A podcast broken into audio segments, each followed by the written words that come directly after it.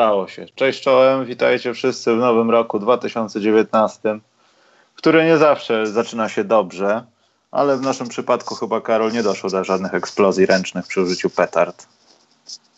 Nie doszło. Dobry wieczór, Michał. Dobry wieczór Państwu. Tu w ja moim przypadku też. Jestem, jestem fanem petard, nie odpalam ich, więc nie, nic mi nie groziło.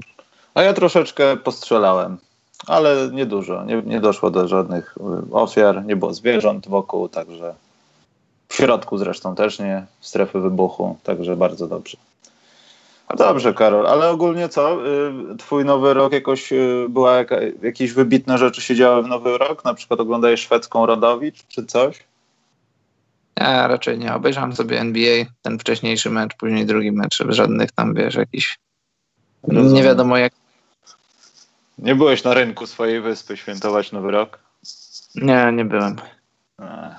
myślałem, że dowiem się jakichś tam rzeczy, co się działo. Karol, ty takim jesteś korespondentem, że. A no byłem, ale nie byłem nie w tym roku, ale byłem kiedyś, mogę ci opowiedzieć. No to ba bardzo chciałbym się dowiedzieć, jak to wygląda. Czy to jest bardziej regionalne, czy po prostu to jest tak jak. Nie wiem, na przykład widziałem y, znajomy wkleił na Facebooku z Olsztyna jakiś miejski Sylwester i to przyszło, nie wiem, no, na naszych najgorszych streamach online jest mniej osób. Wiesz.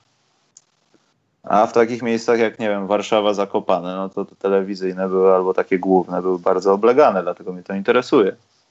No wiesz co, wygląda to podobnie jak w Polsce, w jakichś miasteczkach tego typu, tego typu, tej typu, tego typu wielkości. Przychodzą ludzie, cieszą się razem, świętują, puszczają petardy i się, i się rozchodzą. Ogólnie miasto organizuje fajerwerki, więc ludzie przychodzą, popatrzą, posiedzą, popiją i, i rozchodzą się. Nic, nic szczególnego. A muzyka disco polo jest jakieś y, tam wyspiarskie, czy jest inna muzyka? Jest szeroko pojęta muzyka pop. Aha, ale w ich języku rozumiem, bez udziału. No wiesz, po, po, amerykańsku raczej. No wszystko jest to, co, to, to, to, czego ludzie słuchają w radiu w Polsce, to, to tego samego raczej, albo dużo, bardzo podobnego słuchają czy w Szwecji, czy w Finlandii. Mają swoje kawałki, ale generalnie, wiesz, no jest muzyka, która obowiązuje w danym momencie światowych, światowych gwiazd, mainstreamu. To powiem Ci, Karol, że mało ciekawie. Ale mam nadzieję, że newsiki będą ciekawsze, bo będziemy się, Karol, pastwić. Chyba troszeczkę będziemy się pastwić, bo też mi się wydaje, że to trochę mogło być wycięte z kontekstu albo podjudzone jakąś inną rozmową, ale chyba poświęcimy newsiki na rozmawianie o facecie, który wbija na halę z winkiem elegancko, mówi, że jest gołtem, on sam o sobie mówi. To jest w ogóle jakiś, jak to się teraz mówi, cringe moment, kiedy on to mówił. W ogóle pomyślałem, A. że coś mam z głową. Nie wiem, Karol, jak mam to ocenić, żeby nie użyć takich słów, że, że może to się na nim zemścić. W jakiś może, sposób. W jakiś sposób może, tylko że widzisz, moglibyśmy poświęcić temu tematowi cały podcast, ale chyba tego nie zrobimy. Poczekaj, ktoś napisał ostatnio w komentarzu, tak, ja że zawsze tak mówisz. Tak. Ale nigdy. Jej, no, to, to prawda. Mówię to, mówię, też to przeczytałem, tak. Mówię to dlatego, że, że mając na uwadze, ile mamy czasu na różne tematy, to, na, to skupiając się na jednym, moglibyśmy poświęcić tyle czasu, ile poświęca cały podcast, a że musimy, musimy temat okroić, no to zaznaczam, że, że okrajam tenże temat. W tym przypadku też trochę chcę okroić, bo mamy inne tematy. Nie wiem, czy pamiętasz, pewnie pamiętasz i ogólnie mówiłem o tym wiele razy i też pisałem, że ubolewam nad tym, że, że w Stanach nie jest to oficjalne, nie jest to, nie jest to jakoś tak powiedziane, że to się robi, ale niestety ten, ten, e, ten, ten taki pierwiastek rozrywkowości dodaje się do koszykówki, że koszykówka już, już, już przestaje być sportem samym w sobie, że jeśli jesteś fanem koszykówki, przychodzisz i ją oglądasz, tylko koszykówka staje się, musi się stawać rozrywką.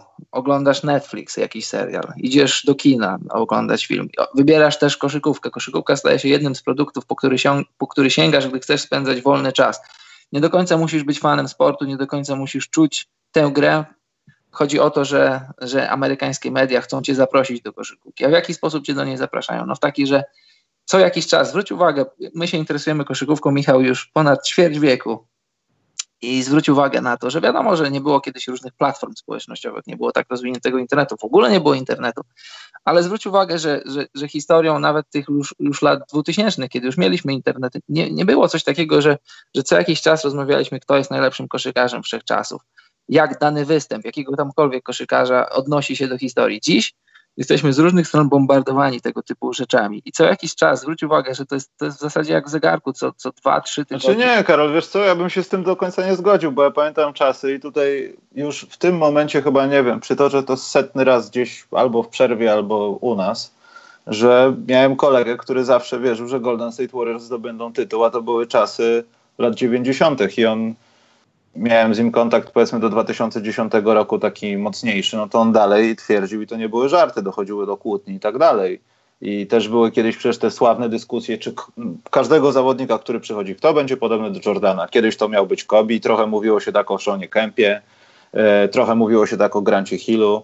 I wiesz, zawsze były takie dyskusje. Tak, Myślę, wiesz, że nawet wśród ludzi jasne, te dyskusje były z jednej strony, że szukaliśmy, chcieliśmy zapełnić pustkę po Michaelu Jordanie, a dwa, że po prostu chcieliśmy umiejscowić sobie gdzieś tam pojawiające się nowe gwiazdy na horyzoncie. Ale dziś, ja przynajmniej ja mam takie wrażenie, nie wiem, czy ty się ze mną zgodzisz, czy ludzie się ze mną zgodzą, że ten temat cały czas jest forsowany i to, ja, ja mówię, tak jak śledzimy media, to jest temat co tydzień, co dwa, co trzy tygodnie, co miesiąc, co jakiś czas z różnych stron przychodzi nam jakaś statystyka, przychodzi nam jakiś mecz, przychodzi nam jakaś debata, debata, w której my nie za bardzo chcemy uczestniczyć, a musimy, tak jak dziś.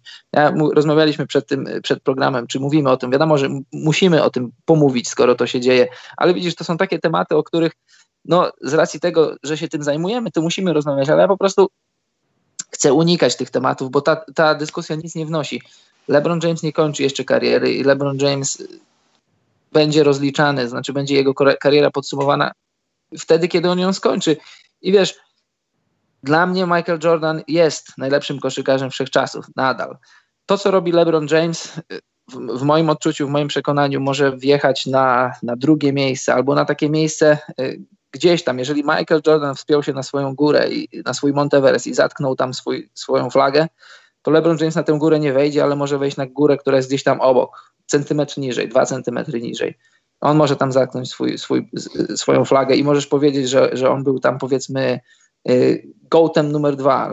Nie, nie przeskoczy Michaela Jordana z, z, różnych przyczyn, z przyczyn, z przyczyn y, historycznych, takich, że Michael Jordan wszedł w niszę, że Michael Jordan dźwignął ligę, Michael Jordan zapisał się nie tylko w historii sportu, ale w historii popkultury. Zobacz, buty Michaela Jordana, niszowe, znaczy niszowe, kultowe buty Michaela Jordana, buty retro. Zobacz, sam, sam LeBron nosi buty Jordana i nie pisze, na, i zamazuje Air Jordan, pisze, pisze Air James. Dla mnie to jest takie trochę dziwne. Zobacz, LeBron wchodzi z, z, kieliszkiem wina. Przecież LeBron James nie mieszka w Staples Center w jakimś tam aneksie kuchennym. On nie otwiera drzwi ze swojej kuchni i nie wchodzi do Staples Center. To, to, to, to, musi, to wiesz, to jest, to jest zagrane, to jest przygotowane. LeBron jedzie ze swojego domu czy skądś tam, nalewają mu wino, on wychodzi. To jest, wiesz, Michael, y, LeBron James jest, jest wielkim znawcą mediów, medioznawcą. Y, świetnie czuje rynek, świetnie czuje media już mówiliśmy o tym wiele razy, to, to, to jest wszystko robione pod coś, to jest robione pod, no właśnie pod co. Czy LeBron James na tym etapie swojej kariery, w tym momencie powinien czuć, jaki, czuć się w jakikolwiek sposób y, zagrożony o swoją historię? Moim zdaniem nie powinien, dlatego że już w tym momencie, nie tylko moim zdaniem, jest, jest na, ma ugruntowaną pozycję jako drugi najlepszy koszykarz wszechczasów.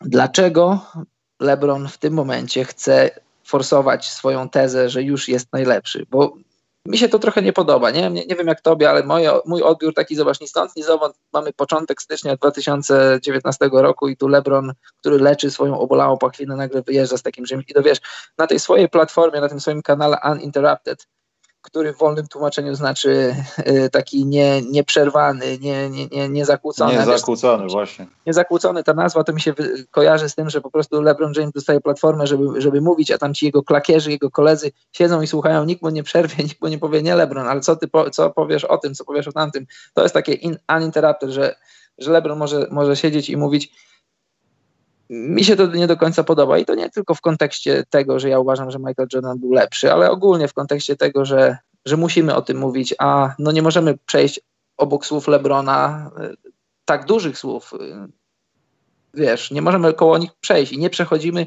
I, a nie podoba mi się, bo na przykład nie chciałbym o tym rozmawiać. Nie no, czy to jest, wiesz, żenująco opisywać swoją boskość, no. No.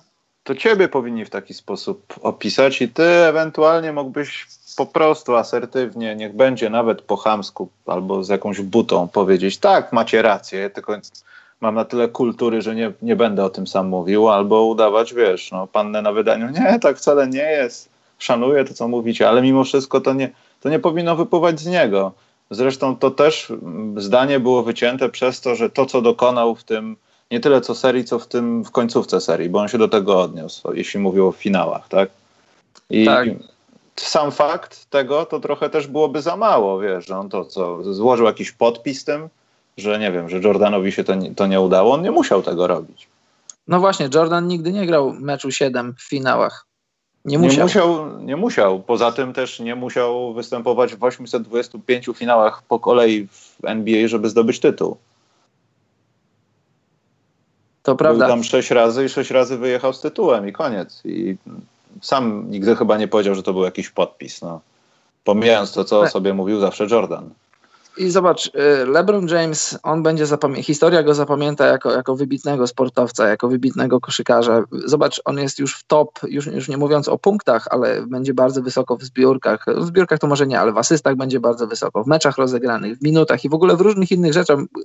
LeBron będzie sobie nabijał te statystyki, no bo wiadomo, jego długowieczność, on nie, nie, nie opuszczał zbyt wielu meczów y, zagra jeszcze przynajmniej, no, ma kontrakt czteroletni, to jest jego pierwszy sezon, więc zagra przynajmniej jeszcze trzy, ja wiem, ile jeszcze, ciężko powiedzieć, może będzie grał do 40, więc być może rekord Karima pobije, być może pobije, znaczy być może, zapewne pobije wiele różnych innych rekordów, które będą robić wrażenie. Te rekordy muszą robić wrażenie i muszą budzić szacunek i, i tak będzie. Ale żeby, żeby, żeby starać się o miano najlepszego koszykarza w historii koszykówki, który należy do Michaela Jordana, podkreślam moim zdaniem. Zobacz, zależy w jaki sposób historia będzie kierowana, w, jaki sposób te narracje będą się, będą się układać, bo finały 2011 to są finały. Jeżeli jesteś najlepszym koszykarzem w historii koszykówki, to, to nie powinieneś mieć w swoim CV takich finałów. Finały 2011, wielka trójka z Miami w swoim prime, fizycznym prime, przegrywa z z Dirkiem Nowickim już po 30, z Jasonem Kiddem już po 30, już po poważnej operacji kolana. LeBron James notuje średnie poniżej średnich Jasona Terego, który był szóstym graczem y, Mavs. LeBron James przechodzi obok meczów, ma taki mecz, nie pamiętam który, to był mecz, w którym zdobywa 8 punktów. Możesz powiedzieć, że to był punkt zwrotny w jego karierze, bo być może był, ale jeśli porównujesz go z Jordanem, Jordan nie miał takich finałów. Y, I LeBron ma trzy tytuły, a przy każdym z tych tytułów możesz, może nie tyle znak zapytania, co jakąś taką małą gwiazdkę postawić. Przy pierwszym e, pamiętasz mecz numer dwa, e, taka akcja KD, e, nieodgwizdany faul. Tam był ewidentny faul, ten faul nie został odgwizdany. Kto wie, co by się stało, gdyby KD stanął na, lin na linię, trafił rzuty i gdyby, gdyby Thunder wygrali ten drugi mecz, bo, bo, ma, bo Miami wyjeżdżało z Oklahoma z 1-1. Gdyby wyjeżdżali z 0-2, te finały mogłyby wyglądać inaczej Później masz 7 trójek Majka Millera w meczu numer 6, jak dobrze pamiętam, albo 5, w meczu numer 5. I później masz finały 2013. To już takie finały, które w zasadzie żyjemy w alternatywnej rzeczywistości do tych finałów, bo e, tam już David Stern schodzi na dół, już, już ochroniarze taśmą zabezpieczają parkiet, już, już wiesz, już, już, już jest puchar przygotowany dla Spurs, a tam Y, szalona zbiórka, szalona trójka Raya Allena, Allena na dogrywkę. Miami wygrywają Game 6, później wygrywają Game 7 i, i, i hit mają tytuł. No i wiesz, i ten, i ten tytuł z Cavs. LeBron mówi, że to gruntuje jego pozycję, ale jest Kyrie. Jakby nie było, to Kyrie trafił ten wielki rzut. To jest rzut, który, który daje bezpieczny bufor Cavs, daje im, daje im w rezultacie tytuł. Kto by, wiesz, teraz możemy dywagować, możemy się zastanawiać, co by było, gdyby Kyrie tego rzutu nie trafił, czy jak zagraliby Warriors końcówkę, mając tych punktów o trzy mniej do odrobienia. Ale to są takie finały, które, wiesz, to, to są trzy tytuły, masz na, masz na palcach trzy mistrzowskie pierwsze, nikt ci ich nie zabierze. Ale co do każdego z nich możesz mieć delikatną gwiazdkę, nie mówię znak zapytania, ale delikatną gwiazdkę, co do której możesz, możesz dyskutować. Jordan nie ma takich gwiazdek w swoich tytułach i Jordan jest, wiesz, to, już to, to, też jest takie trochę głupie to dyskutowanie, że Jordan jest 6 na 6 i nie ma dyskusji. jest dyskusja, tylko że to jest, to jest, to jest mocne 6 na 6. I, I w ogóle, jeżeli teraz mamy chwilę czasu, żeby o tym podyskutować, to LeBron od lat nie gra w obronie. Jordan zawsze grał w obronie. Od, od, od początku do końca swojej kariery grał w obronie. I jak dla mnie, wiesz, Jordan grał pięknie, grał pięknie w koszykówkę. Mogłeś nacieszyć swoje oko tym, jak Jordan wyglądał, jak, jak ruszał się po parkiecie, jak robił różne rzeczy na boisku, to było piękne, po prostu piękne samo w sobie. E, styl LeBrona Jamesa, możesz go lubić, możesz go nie lubić. To jest, to jest styl siły, zwinności połączonej z wysokim koszykarskim IQ. LeBron robi rzeczy, które, które są imponujące, które powodują, że opada ci szczęka, ale on robi te rzeczy dlatego, że, że ma tak nadludzkie ciało, które pozwala mu robić te rzeczy. W przypadku Jordana to, było, to był trochę inny rodzaj zachwytu, trochę inny rodzaj e, emocji związanych z tym, bo jak Jordan skakał, jak latał, jak, jak mijał w powietrzu rywali, jak w ogóle jak, jaką postacią był dla koszykówki. To było, to było świetne. I wiesz, patrzysz na ciało Michaela Jordana i to ciało było jasne, to ciało było wyjątkowe, bo to jest zawodnik taki trochę poniżej dwóch metrów, tak niezbudowany super atletycznie, ale zbudowany tak zdrowo, tak na, na, na lata 90. I to było coś, ale też to było coś takiego, co, co raz na jakiś czas może gdzieś tam spotkać, nawet i na polskich boiskach, ludzi o podobnych warunkach fizycznych, podobnie zbudowanych. Jeśli chodzi o Lebrona, to takich ludzi się nie spotyka na ulicy. To, to, to też jest taki punkt w tej, w tej dyskusji, w porównywaniu tego wszystkiego. I wiesz, no nie wiem, czy mam, to znaczy miałbym jeszcze dużo do, do dodania, ale czy chcemy, czy chcemy kontynuować to, bo może się okazać, że, że faktycznie poświęcimy cały podcast na, na taką dyskusję, bo to jest, wiesz, to jest dyskusja, o której po, ludzie piszą książki, robią filmy, dyskutują, zabijają się w internecie, czy, czy chcemy to robić. Stawiam na chwilę e, kropkę, może za chwilę będziemy kontynuować. Poczekaj, bo tutaj coś w telefonie oczywiście. E, dobrze. E, słuchaj, Karol, bo nie, bo Rafał i Wojtek słusznie zauważyli, że tutaj nie chodziło o to, że on tak naprawdę nazwał się, że jest najlepszy, tylko że poczuł ten moment i zaczął to definiować. I to też jest ważne, że wiesz, no to dla, dla ciebie w twojej karierze zawsze jest coś, ale ja na przykład nie słyszałem, żeby Kobe Bryant powiedział, że według niego to jest taka i taka sprawa i tak to i tak wyglądało. Mimo, że są innymi osobami. Poza tym podkreślam jeszcze raz, takie porównania nie mają sensu, bo to jest jak opisywanie ośmiotysięczników. No nie wiem, różnice są kilku metrów. E, czasami na niektóre trudniej wejść, mimo że są niższe, i LeBron jest zupełnie inną górą w tym porównywaniu wszystkich zawodników, myślę. I suma summarum może tak też faktycznie być, że gdyby, gdyby wszystko, znaleźć jakiś magiczny mnożnik, który pokazuje wszystkie za i przeciw, LeBron faktycznie mógłby wyprzedzić Michaela Jordana, bo tak naprawdę jeśli chodzi o wszech, wszechstronność w grze w koszykówkę z tych legend, no to ma największą. Słowo bezpozycyjność wiesz, chyba oznacza właśnie LeBron. Wiesz, tak, ale wiesz, człowiek też... do wszystkiego, który skutecznie no. robi wszystko. I też się bym z tym nie zgroził, że on nie broni. To nie jest tak, że LeBron nie broni. Nie, Michał, nie broni. Ale co uważasz, że mógłby to robić lepiej, czy po prostu się nie stara? Bo tego nie e, rozumiem. No Mi się wydaje, że LeBron po prostu czasami wie o tym, że w niektórych momentach trzeba się bardziej poświęcić, a w niektórych mniej. I gdyby mówił, że on nie broni w takim układzie, no nie zrobiłby tego, co robił, zrobił w finale, bo zabił Warriors po prostu w obronie w tej końcówce. Nie mówię nawet o tym bloku, tylko o konsekwencji wykonywania odpowiednich działań na przeciwniku. A jak no, siedzi na tobie taki chłop, ty nie musisz być dobrze, dobry technicznie będąc Lebronem. Wystarczy, że poświęcisz swoje ciało na postawieniu się w dobrej sytuacji w obronie i strach przed tym, że każdy, każdy rzut może być przez ciebie zablokowany, powoduje, że ty tego nie robisz i to też jest obrona. No to jest dobre pytanie, czy on, to, czy on tego nie robi celowo, że zachowuje energię na atak? Pewnie tak, czy z jakichś innych przyczyn, no ale faktem jest, bronił w Miami, przez 4 lata w Miami, przez te wcześniejsze lata w Cavs, owszem, bronił i, i naprawdę bronił. Był, był, był taki okres, ja bym powiedział właśnie tych 4 lat w Miami i tak może z przesunięciem o dwa lata wcześniej w Cavs i może o rok y, w Cleveland, choć też już, choć myślę, że nie, ale powiedzmy taki, taki okres czasowy, 4 lata w Miami. LeBron naprawdę bronił i, i był poważnie case. Szkoda, że to się wtedy nie stało, że w którymś z tych roków, y, w którymś z tych sezonów y, LeBron nie został najlepszym obrońcą sezonu, bo, bo miał argumenty ku temu i bronił naprawdę od 1 do momentami nawet 5 no ale faktem jest, że, że teraz już LeBron w tych ostatnich latach, w tych latach w Cavs i teraz, teraz w Lakers, LeBron nie broni, wiesz, czy, czy on, to, on to robi świadomie, po prostu, no on wie, on zna swoje ciało jak, nie, jak nikt inny i wie, że e, to, ile może dać w ataku, to zaprocentuje bardziej niż to, czy raz,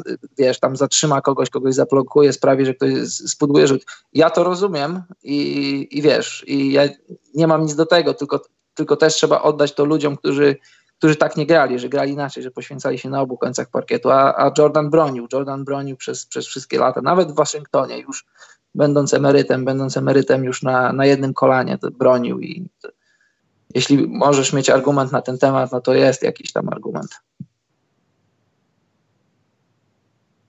Tylko to jest czysto akademicka dyskusja i tak naprawdę Norbert W. napisał, y, podejrzewam, że w czasach Jordana nie byłby takim kozakiem. Ja nie wiem, czy taki ten LeBron, który już zaczął się w momencie The Decision, ten cięższy, taki dbający bardziej o swoje zdrowie, mający tyle lat, ile ma i grający w takim rozkładzie minut, robiący takie rzeczy, właśnie nie byłby dobrym graczem w latach 90. Tak się zastanawiam. Będąc w takiej formie fit, myślę, że siłowo dawałby radę z niektórymi tam ludźmi. Jeśli nie z większością. I myślę, że to za dużo by nie zmieniło.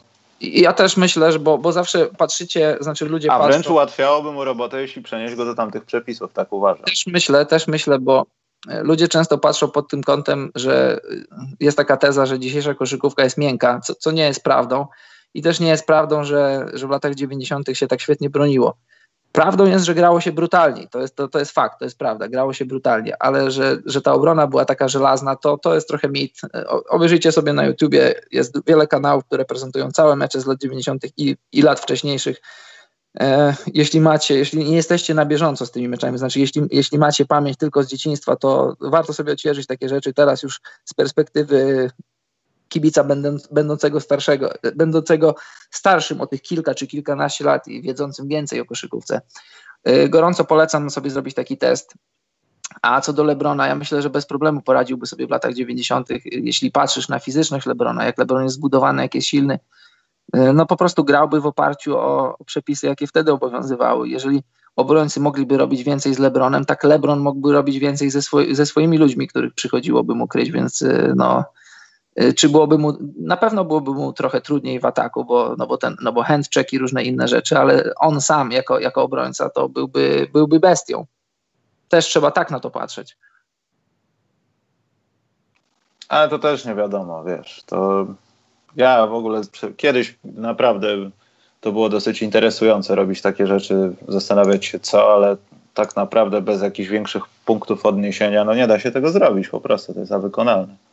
I to jest jałowa dyskusja trochę. Ale wiesz co, ludzie, ludzie często bronią się przy tymi dyskusjami i mówią, że, że, wiesz, że każde pokolenie miało swo, swojego najlepszego zawodnika i nie ma co dyskutować. Ja uważam, że warto dyskutować. Dlaczego nie? Takie dyskusje są ciekawe o ile są prowadzone merytorycznie, a nie tam, że no wiesz, jak to często w internecie się odbywa. A jeszcze jest taki case odnośnie Lebrona, dlaczego moim zdaniem nie jest gołtem. Zobacz, LeBron James od, nie od początku kariery, ale od takiego, jak już ustabilizował swoją pozycję w lidze, jak już, jak już stał się naprawdę najlepszym koszykarzem tej ligi, obecnej ligi. LeBron spo, potrzebuje tych specjalnych okoliczności, żeby, żeby uwypuklić swój talent. Y, w Cavs to był LeBron i, i dookoła strzelcy. LeBron, który gra dużo z piłką i dookoła strzelcy. E, w Miami, zobacz, Bosch musiał podporządkować swoją karierę. No mówię, może, nie, może trochę za duże słowo karierę, no ale patrząc na to, że, że Bosch już później dużo nie pograł bez LeBrona, no to można powiedzieć, że zawodnik, który jest zawodnikiem na ponad, grubo ponad 20 punktów i 10 zbiórek, musi naprawdę diametralnie zmienić swoją grę i Bosch idealnie się wpasował w ten system i moim zdaniem rola Chrisa Boscha w tych mistrzostwach i w ogóle w tych finałach, do których doszli hit, jest trochę niedoceniana, no ale to też jest temat na być może osobny podcast. E, Wade też musiał zredefiniować swoją grę. Zobacz, jak e, oni nie wiedzieli, kto będzie, kto będzie czyim Robinem dla, dla, kto, dla Batmana, kto będzie Batmanem, kto będzie Robinem. I to ich kosztowało trochę ty, w tych finałach 2011. I Wade też musiał dużo, dużo zmienić swoją grę ogólnie jest tak, że, że LeBron przychodzi, LeBron jest takim jakby, ja wiem, takim wiesz, takim odkurzaczem, takim wysysaczem przychodzi i, i wiesz, i, i musisz bardzo wiele, bardzo dużo podporządkować jemu, jego postaci, ale też jego ludziom. Nie wiem, czy słuchacze zdają sobie sprawę z tego, że jak LeBron wchodzi do, do organizacji, to, to tam wchodzą jego ludzie, tam wchodzą jego, jego ludzie jego ludzi W Miami trochę mu się nie do końca to udawało, no bo tam jednak postać Patarileja, też, też coacha z Polstry i w ogóle tradycji, w jakiej prowadzi się klub, klub w Miami, trochę, trochę mu na to nie pozwolili, no ale w Cleveland, w Cleveland, wiesz, wiecie, żeby nie powiedzieć zbyt wielu brzydkich słów, to naprawdę tam była naprawdę no może nie chcę, no nie chcę mówić brzydkich słów, ale trochę chlew. Jeśli, jeśli nie jesteś fanem LeBrona, to naprawdę, jeśli znałeś szczegóły tego, w, jak, w jaki sposób różne rzeczy się odbywały, to, to naprawdę hejterzy LeBrona mieli dużą pożywkę, jeśli, ogólnie jeśli mieli dostęp do tych faktów, bo, bo naprawdę było dużo różnych brzydkich, brudnych rzeczy. E, różni znajomi LeBrona i jego znajo, znajomi znajomych dostawali możliwość przychodzenia do, do miejsc, do których normalnie zwykli ludzie nie mogą przychodzić. Wielu pracowników klubu e, Cleveland Cavaliers, już nie mówię takich blisko klubu, ale ogólnie pracowników, takich ludzi pracujących tak, w takich regularnych pracach, to byli ludzie obsadzani z nadania Lebrona albo znajomych Lebrona, albo znajomych znajomych no wiesz, to jest cena, za którą, którą musisz, znaczy musisz, no godzisz się ją zapłacić, no cztery finały, jedno mistrzostwo. Wiele organizacji wzięłoby coś takiego w ciemno, że ma Lebrona na jego warunkach, z jego ludźmi, z jego tym całym anturażem, z jego kieliszkami wina, które sobie tam nosisz, rozlewasz gdzie tylko chcesz, a masz cztery finały, jeden tytuł. Wiele organizacji by to brało w ciemno. To też jest coś takiego, co moim zdaniem trochę przeszkadza y, w pozytywnym odbieraniu Lebrona wiele rzeczy pozytywnych, które LeBron robi. Otwiera szkoły, ofiarowuje pieniądze, różne inne rzeczy na różne organizacje. To jest rzecz, za którą trzeba go szanować, i, bo, bo to, tych rzeczy on nie musi robić, a robi je. Ale tak sportowo, tak, tak po ludzku, to jest coś, co mi trochę przeszkadza. Chociaż no, nie spędza mi to z tym z.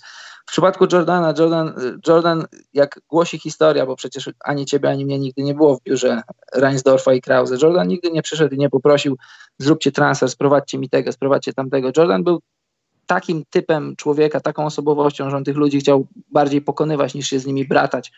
Ogólnie takie były czasy, że się zawodnicy raczej nie bratali w, w jednych drużynach, tylko chcieli się pokonywać nawzajem, a, a Jordan szczególnie, bo taki był, taki szaleńcem, no ale szaleńcem pozytywnym tego słowa znaczeniu dla sportu, no bo może na co dzień w życiu prywatnym, może nie może, tylko na pewno, bo ludzie którzy, z najbliższego otoczenia Jordana mówią, że był ciężki do wytrzymania. No i no i nie wiem, czy mam coś więcej do dodania na ten temat. No dla mnie, dla mnie Jordan jest, jest gołtem, LeBron jest kimś, kimś równie wyjątkowym, kimś, kto, kto może wejść na, na, na szczyt, który będzie obok tego szczytu Jordana, ale ale nigdy nie wejdzie na górę, która, jest, która należy do Michaela Jordana, nie zdejmie tego, tej chorągiewki z napisem Michael Jordan i nie wstawi chorągiewki z napisem LeBron i, i, i tyle, i stawiam kropkę.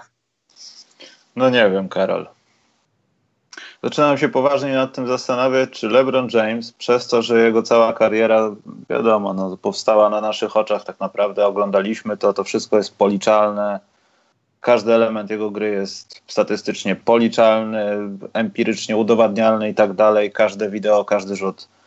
I jednocześnie jest trudno ocenić jego rolę w tej całej e, no, liście wszechczasów. I to też dotyczy na przykład takich ludzi jak Bill Russell, którego kompletnie nie mogliśmy oglądać i nawet wirtualnie te statystyki też nie do końca są pewne. Punkty odniesienia są słabe case Wilda Chamberlaina, który grał po prostu przeciwko niejednokrotnie słabym przeciwnikom i nie miał dla siebie meczapu. Wtedy bym może, gdyby miał więcej takich podobnych zawodników, nie rzuciłby 100 punktów na takim jednym, drugim kolesiu. Pomijając wszystko. I to też jest taka sprawa, że to będą tacy zawodnicy, którzy będą zawsze porównywani do tego jednego, dwóch i na koniec dnia nie porównasz ich. I mimo wszystko paradoksalnie LeBron będzie do nich należał, mimo że wiemy o nim wszystko bo go widzieliśmy od, od, od maleńkości. No to prawda.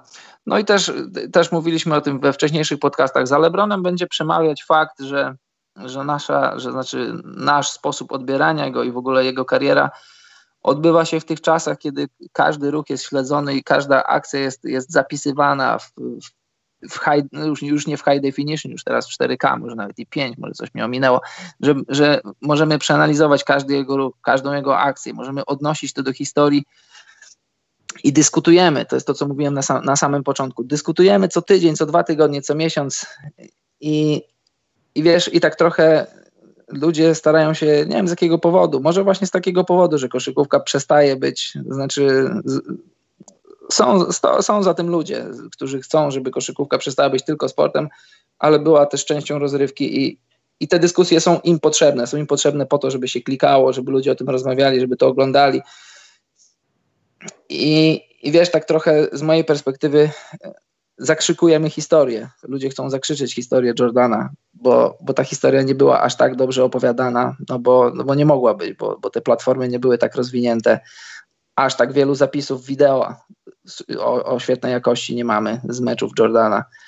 I to też w jakiś sposób jest takie trochę, na tych VKS-ach to się trochę kurzy, trochę się o tym zapomina. No i też zapominamy o tych, o tych takich y, ciemnych punktach na, na karierze Lebrona, a tych, a tych punktów jest trochę I, i, zawsze ktoś może dać kontrargument, że, że Jordan przegrywał w swoich pierwszych latach, w swoich pierwszych playoffach. Owszem, przegrywał, ale jeśli weźmiecie pod uwagę lata 91, 98, z tą dwuletnią przerwą, kiedy Jordan nie grał, i nawet też te lata, powiedzmy dwa lata wcześniejsze, kiedy, kiedy Jordan tytułów nie zdobył, ale był, był blisko, to są lata, które naprawdę Jordan zdominował w koszykówce, ale to zdominował przez wielkie Z. Spójrzcie na statystyki, odwołajcie się do, do, do starszych tekstów jakichś z gazet, to one są dostępne w internecie.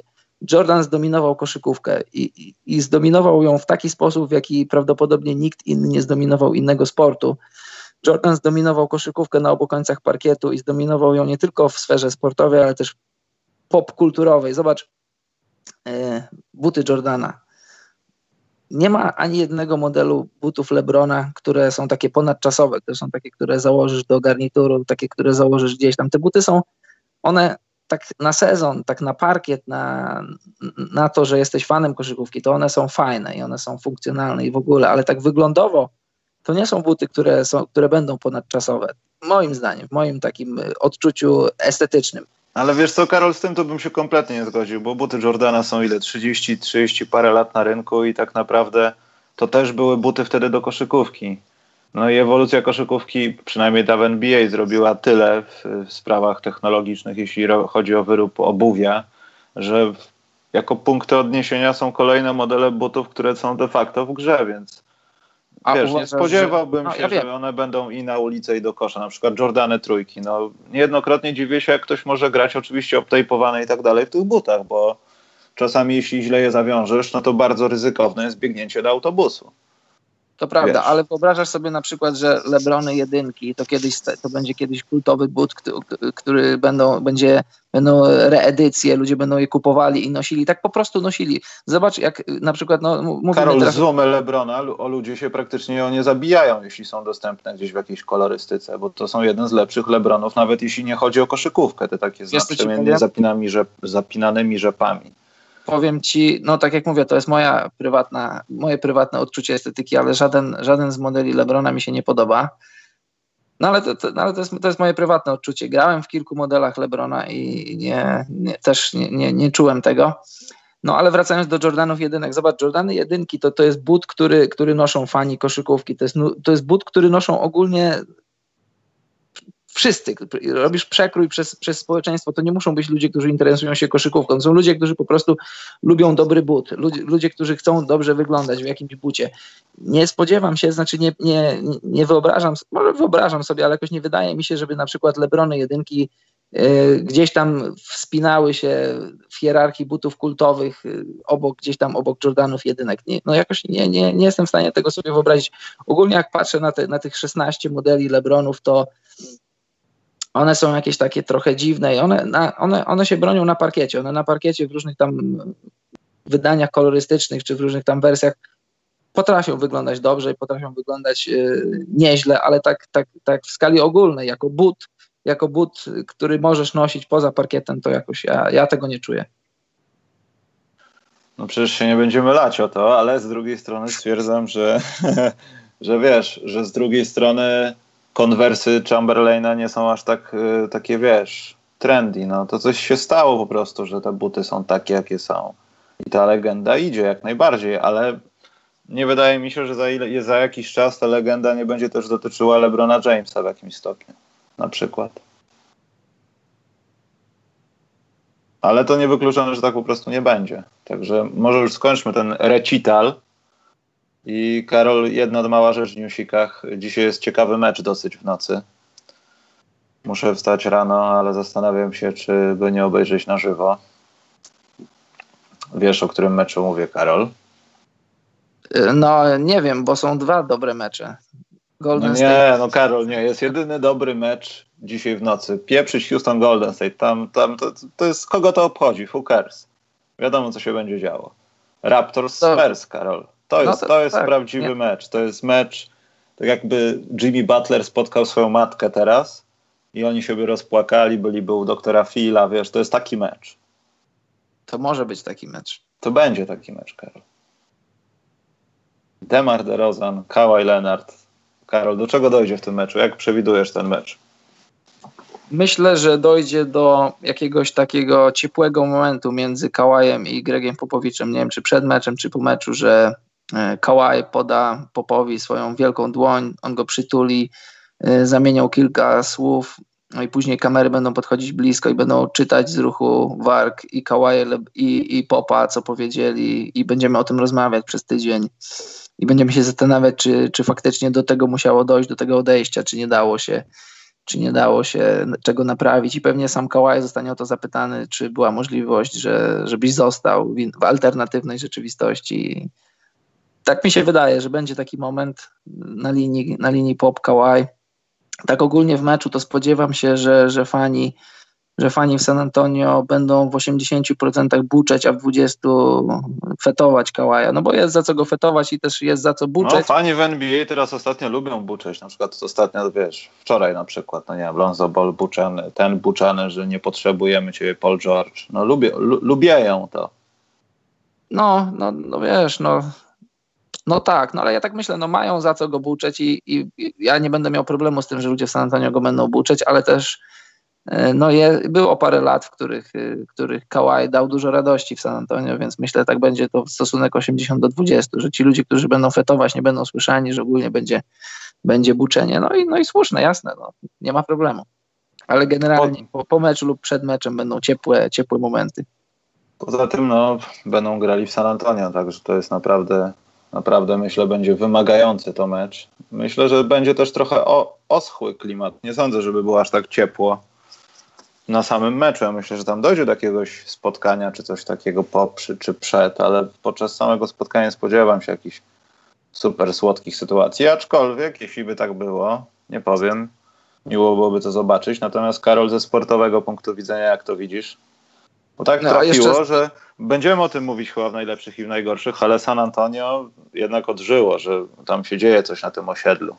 Tak, tak, ale jeszcze zanim, zanim o samym meczu, no i przecież będą, będą też ciepłe momenty takie, że, że DeMar DeRozan przywita się ze wszystkimi swoimi kolegami z, z Toronto, Jakub Pertl również, no i, no i przecież też Danny Green grał w San Antonio, więc ogólnie będzie tak, tak, to będzie ciepły mecz, to będzie ciepły mecz albo na początku, albo na końcu, ale generalnie myślę, że to będzie mecz walki i nikt tutaj nogi nie cofnie i teraz pytanie, właśnie pytanie, czy Kawhi Leonard będzie Tiso buzzer biterem po tym meczu?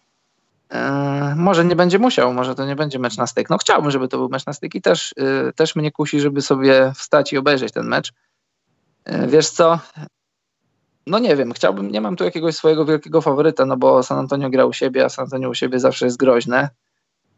Yy, Toronto też jest groźne, chociaż Toronto ostatnio zalicza trochę wpadki, bo za ostatnich 10 meczów mają 4 porażki to, to nie jest Toronto z pierwszych dwóch tygodni, ale też, ale też nie, nie panikujmy, bo Toronto, Toronto nie gra po to, żeby w styczniu być, y, szczytować z formą.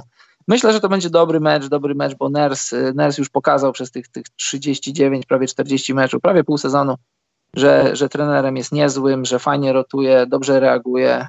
No, popa nie musimy przedstawiać. San Antonio, tak jak mówisz, odżyło i bardzo dobrze dla, i dla San Antonio, i dla ligi spodziewam się dobrego meczu, dobrego meczu koszykówki i niech wygra lepszy. Dobrze, Karol. Kniemy dalej, bo recital Lebrona i Jordana nam zabrał horrendalnie dużo czasu. No właśnie i widzisz, ja nad tym ubolewam, że, że musimy się nad tym pochylać i nad tym rozmawiać, a nic to nie wnosi do tej dyskusji. Zobacz, nic się nie wyda. Kariera Jordana już jest zakończona, zacementowana.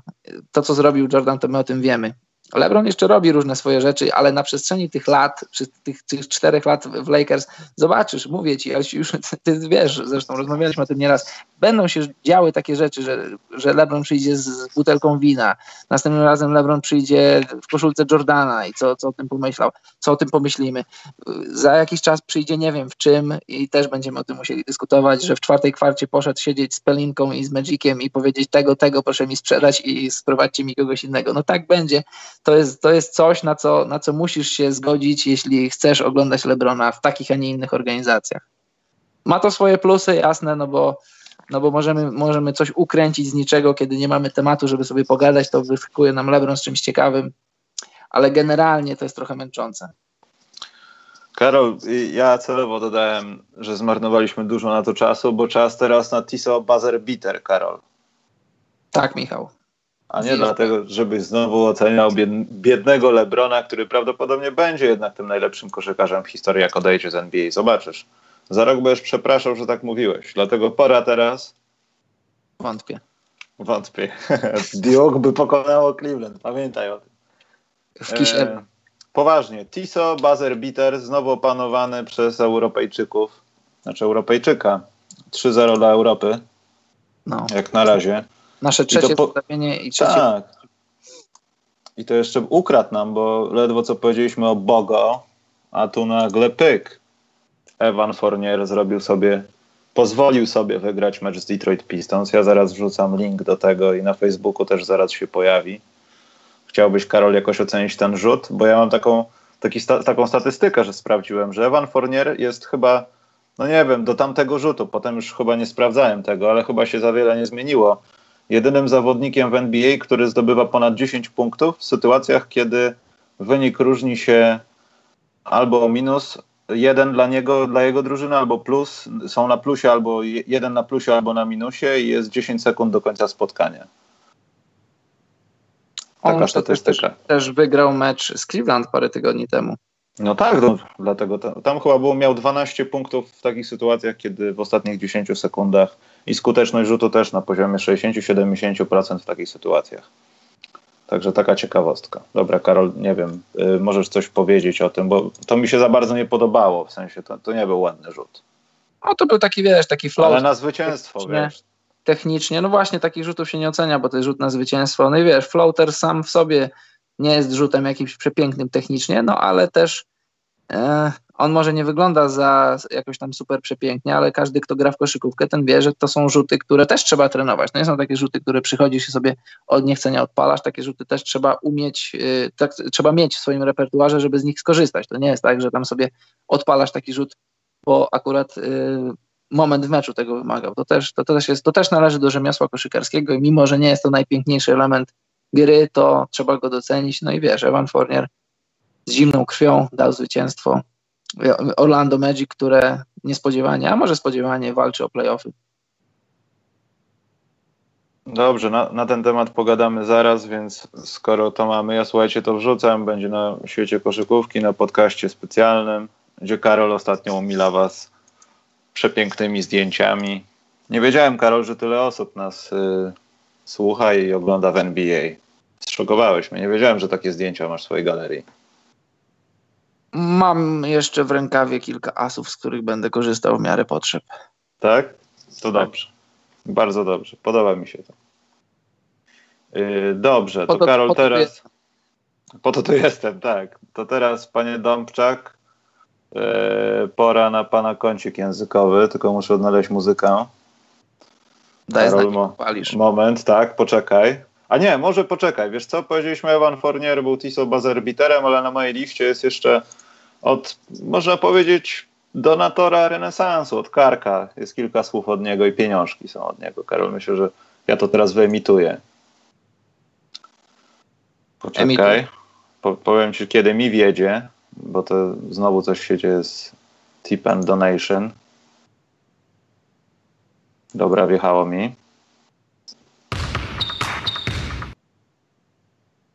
Karku dla kałaja na wódeczkę. Tfu na wódkę, ciepłą kurtkę i opony zimowe do jego trucka. No i dobra, chyba, chyba mi wyjeżdża. 25 zł. Nie wiem, Karol, czy możesz to prześledzić, czy nie? Tak, widzę, Karku jest dobry. Karku wszystkim, wszystkim wódkę po, proponuje. No Karku jest re renesansowym zawodnikiem. No widzę, że tutaj, mimo że jest nowy rok, to zwyczaje pozostały te same. Środek tygodnia, pyk. To mi Powiem się podoba. wam takiego, takiego insiderskiego newsa, że, że Tim Hardaway, nie junior, tylko senior lubi polską wódkę.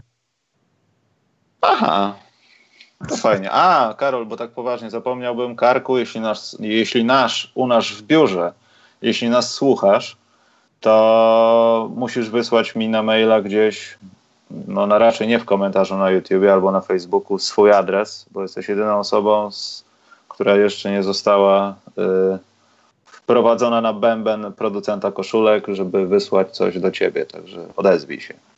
Dobrze, Karol, teraz pora na twój kącik językowy, jest definitywnie. Uwaga, Karol. Muzyka poszła. No, dziękuję i zapraszam Państwa do kolejnej części, już nie pamiętam nawet której, kącika językowego. Tak jak zawsze podkreślam, staram się, żeby to był mały, mały wycinek tego wszystkiego, co robimy, żeby to był tylko taki krótki segment, więc zaczynajmy. To są takie, takie słowa, takie zwroty, które na pewno spotykacie w różnych komentarzach w internecie, a jak czytacie komentarze, staram się, ja ogólnie staram się nie czytać, ale no, chcąc nie chcąc to robię. Takie słowa jak e, można by, trzeba by, mógłbym, zrobiłbym. Ogólnie co do zasady te słowa się pisze razem. Ludzie popełniają, to znaczy można by i trzeba by piszemy osobno. A tak poza tym wszystkie inne słowa jak chciałbym, mógłbym, zrobiłbym, umiałbym, to się pisze razem. Ludzie popełniają masę błędów w internecie pisząc i uczulam was. Wy, to znaczy wy słuchacze zapewne nie popełniacie tych błędów, ale ci, którzy je popełniają, niech ich nie popełniają. Można by, piszemy osobno, trzeba by, piszemy osobno, ale cała reszta, zapewne jest jeszcze kilka wyjątków, ale zdecydowana reszta tego typu słów to zrobiłbym, mógłbym, chciałbym, umiałbym, mieszkałbym i tego typu słowa piszemy łącznie. I w bonusie mam jeszcze dla Was dwa słowa. Z powrotem, nie piszemy z powrotem, a piszemy z powrotem, i to są dwa słowa z, spacja, powrotem oraz słowo zresztą. Nie, że zresztą uciekłem, jak mi dałeś pieniądze, tylko że zresztą, e, zresztą mówiłem Ci o tym wczoraj. Piszemy razem, zresztą. I to tyle na dziś. Myślę, Karol, że musisz wprowadzić jedno usprawnienie do tego kącika, bo ostatnio oglądałem profesora Miotka, żeby znaleźć jakiś dobry taki wzór. Musisz być jeszcze bardziej zaangażowany w to tłumaczenie ludziom. Muszę gestykulować, co robię. Gestykulować ale... i musisz też ja tak się robię. wypowiadać, że tak wmuszasz w nich, ale bez przeklinania. Wiesz, jakbyś chciał coś powiedzieć brzydko, ale jednocześnie przelewasz to w sposób, który mogą nie zrozumieć, ale nie ma tam przekleństw. No ja nawet nie próbuję aspirować do profesora Miotka, którego no, ale wiesz, Karol, no. Profesora Bralczyka też. Mam ich książki. Profesor, profesor Bralczyk jest takim za mało agresywny.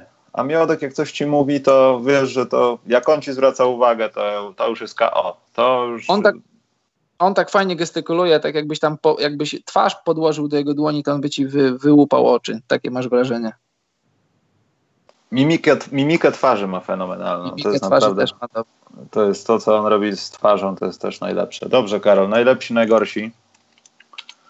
Od kogo zaczynam? Od najgorszych, najlepszych? W nowym roku tak. nie wypada kończyć nas, ale nie, jest kilka pytanek, to możemy zacząć od najlepszych, Karol. Dobrze. Dobrze, to zaczyna. Ja tutaj muszę wszystko ułożyć technicznie. Dobrze, to ja powiem Ci wszystkie rzeczy, które mamy i tradycją wcześniejszych podcastów, jak będziemy chcieli, to się nad czymś zatrzymamy.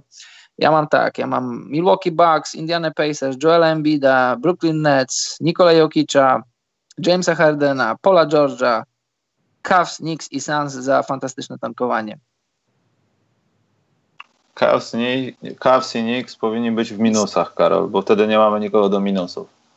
No niby tak i nie, ale jeśli mówiliśmy o tym, jeśli mamy drużyny, które tankują, to niech one tankują, niech one nie wygrywają. I, i teraz ostatnio Cavs, Knicks i Suns robią to perfekcyjnie. Bulls i Hawks powinni się tego uczyć, a się nie uczą.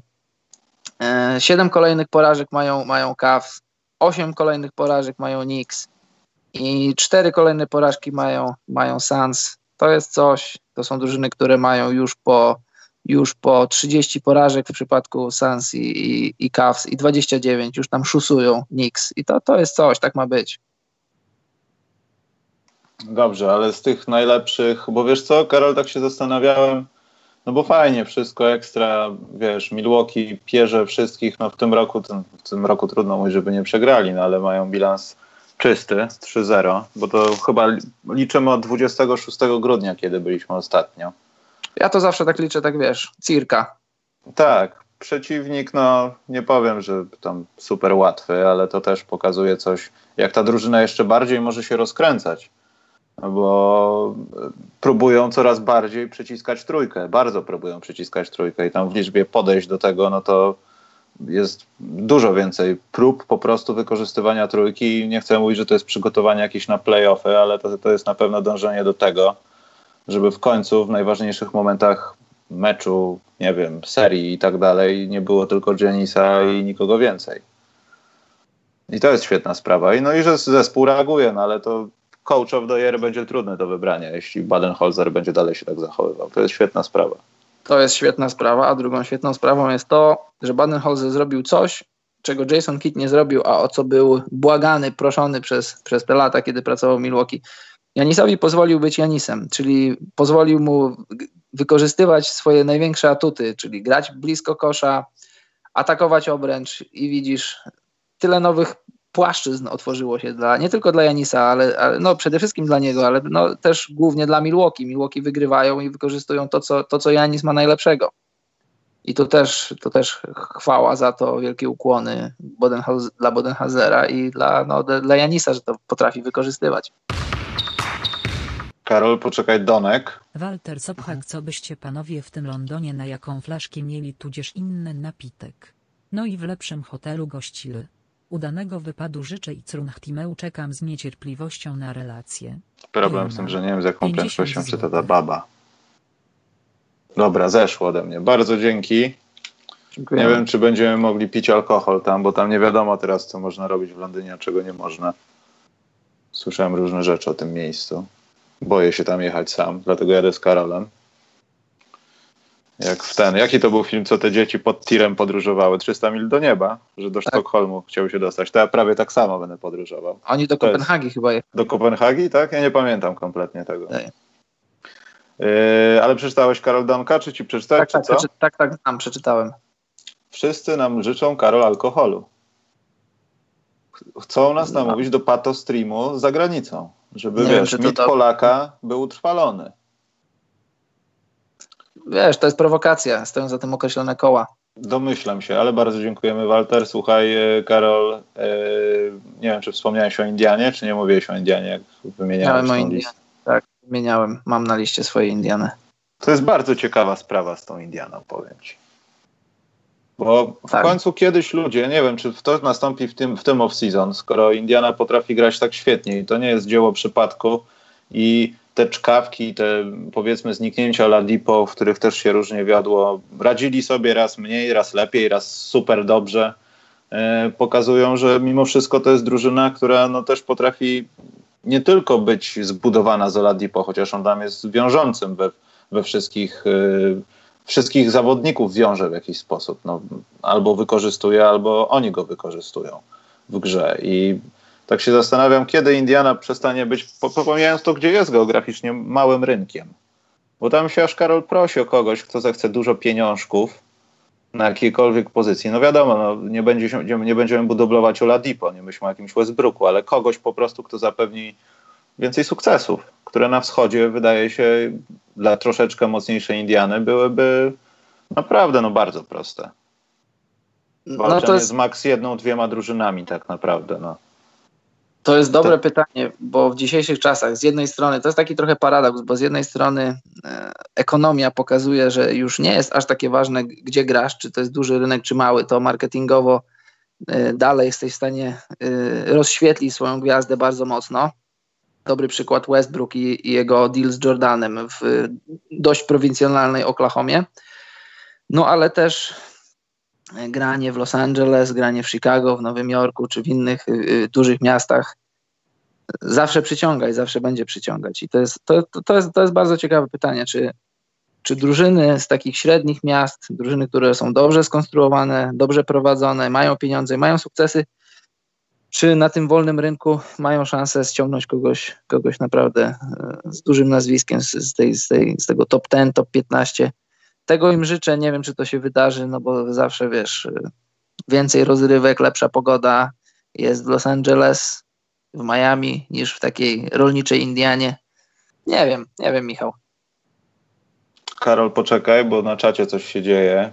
E, Arszawin się masz w lutym w Warszawie jest ponad zlot fanów Bulls. Tak, ale w tym roku, jak był w 18, to wpuszczali ludzi w koszulkach Lakers. Raz widziałem taką osobę. Także ja nie wiem, czy ja tam się wybiorę drugi raz, ale nie, tak poważnie jest i nie wiem, może, może, może pójdziemy. Nie Kiedy wiem, Karol. Wiesz co, nie pamiętam, ale jakoś chyba przy okazji też meczu gwiazd to jest jakoś zorganizowane. Nie chcę kłamać. Bo też w tym czasie, czy tydzień wcześniej jest Puchar Polski, nie wiem, może to będą powiązane jakieś imprezy ze sobą. W sensie, no nieoficjalnie, ale terminowo. Może przyjadę, nie wiem, zobaczę. No, bardzo byłoby dobrze.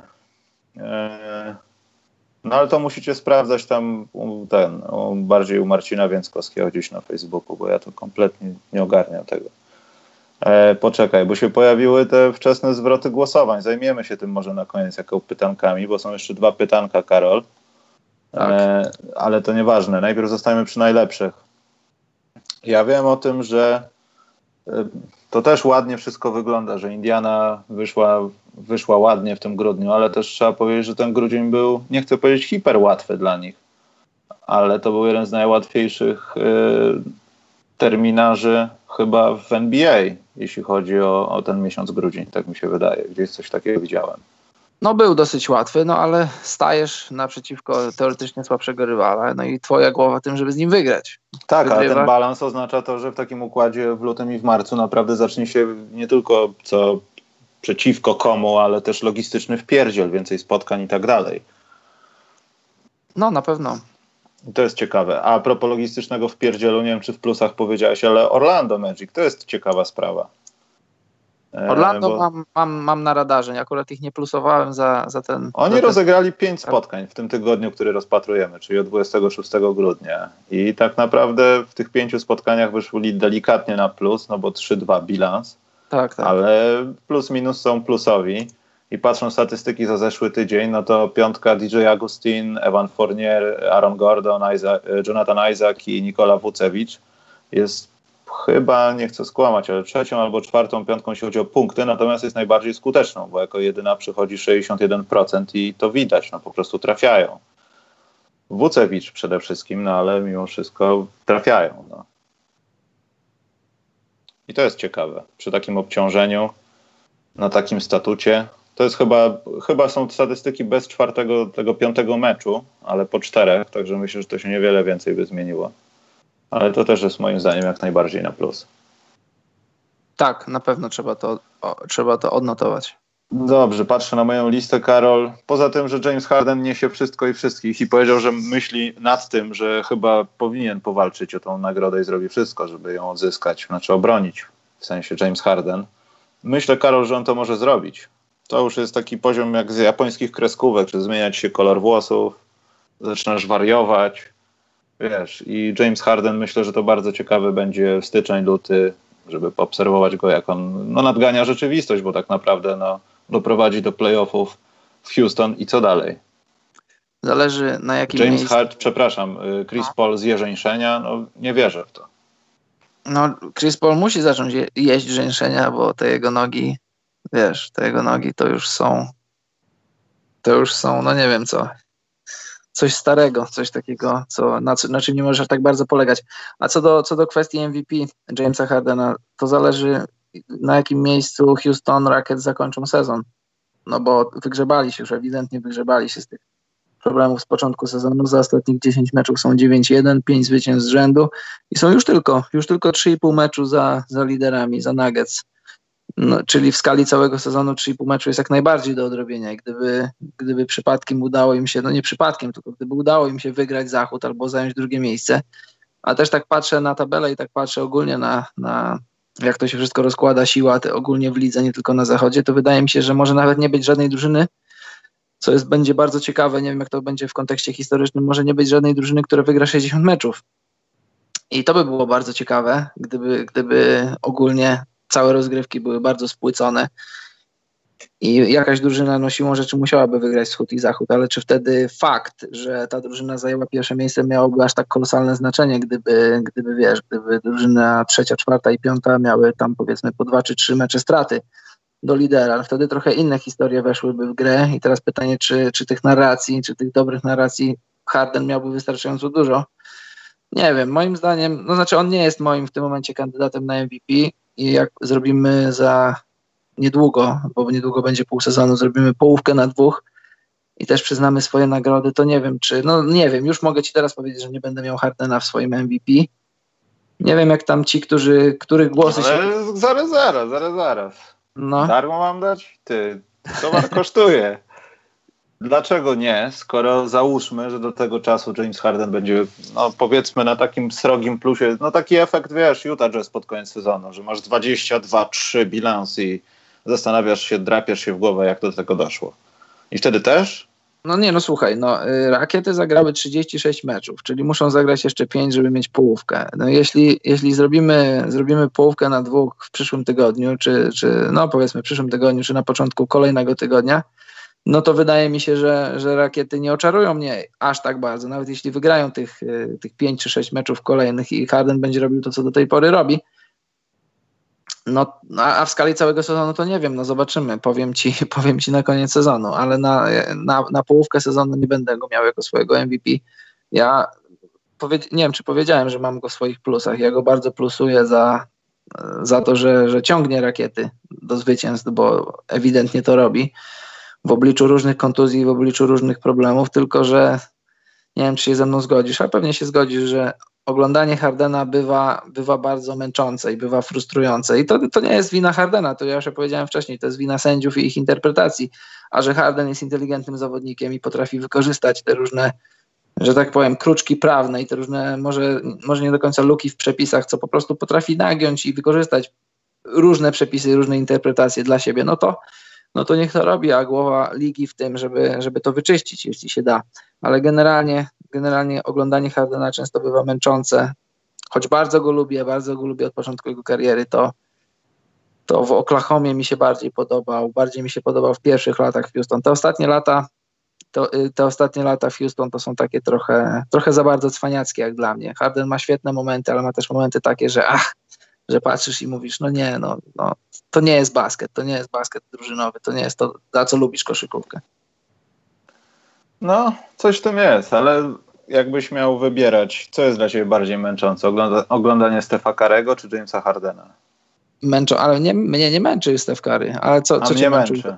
No nie wiem, męczy mnie oglądanie, tak, no ja już nie mówię o tym, ale męczy mnie to. Wolę oglądać to... Hardena, który robi te sześciokrotne stepbacki, jakby wiesz, uciekał przed wężem u Karego może męczyć trochę jego sposób bycia, że jak, jak, mu, że jak mu dobrze wszystko wychodzi, to ten jego swag trochę mu trochę mu wychodzi nawet i uszami, ale generalnie jako koszykarz, wiesz, jako koszykarz taki, z którym możesz z racji ciała, z racji pozycji i stylu gry trochę się utożsamiać, to, to z, zachowaniem wszelkich proporcji i, i, z całym szacunkiem dla Stefa, no bo Stef to robi 150 poziomów wyżej, no ale wiesz, biegasz, ruszasz się po zasłonach, rzucasz za trzy, kozłujesz, to jest to, co y, większość z nas robi, gdy wychodzi na parkiet sobie pograć w koszykówkę a z racji tego, że Steph to robi 150 poziomów wyżej, to łatwo jest mi się z tym utożsamiać i łatwo jest mi to, jest mi to bardzo, bardzo szanować i doceniać.